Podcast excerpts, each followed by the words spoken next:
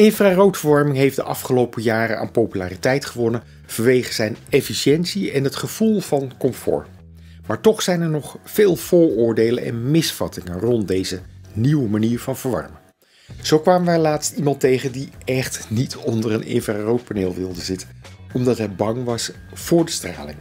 Laten we eens kijken naar die vooroordelen. Straling is gevaarlijk. Iedere dag worden wij blootgesteld aan straling. Veel straling.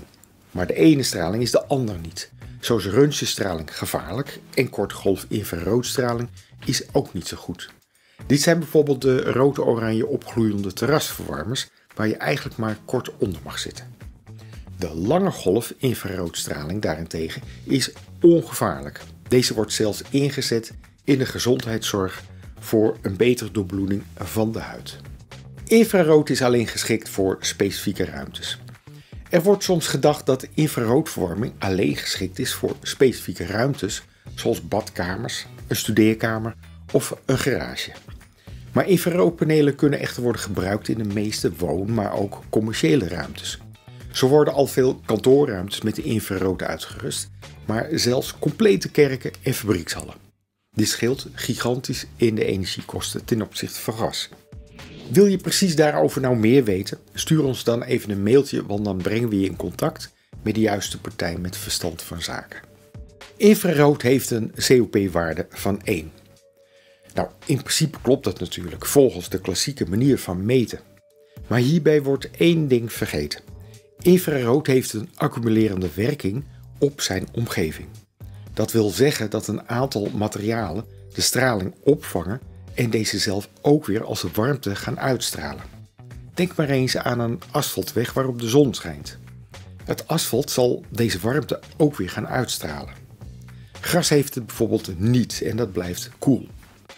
Steen, beton en hout hebben een goede accumulerende werking. Ruimtes met deze materialen gaan op hun beurt de ruimte dan ook weer verwarmen. En testen hebben aangetoond dat wanneer je kijkt naar het energieverbruik van infrarood, dat er dan minder energie nodig is dan bij andere vormen van verwarmen, met een COP van 1, zoals de centrale verwarming of een elektrische verwarming. Lastige installatie. Er wordt soms gedacht dat de installatie van een infraroodpaneel ingewikkeld is. Maar in werkelijkheid kunnen ze vrij eenvoudig geïnstalleerd worden, vergelijkbaar met het ophangen van een lamp.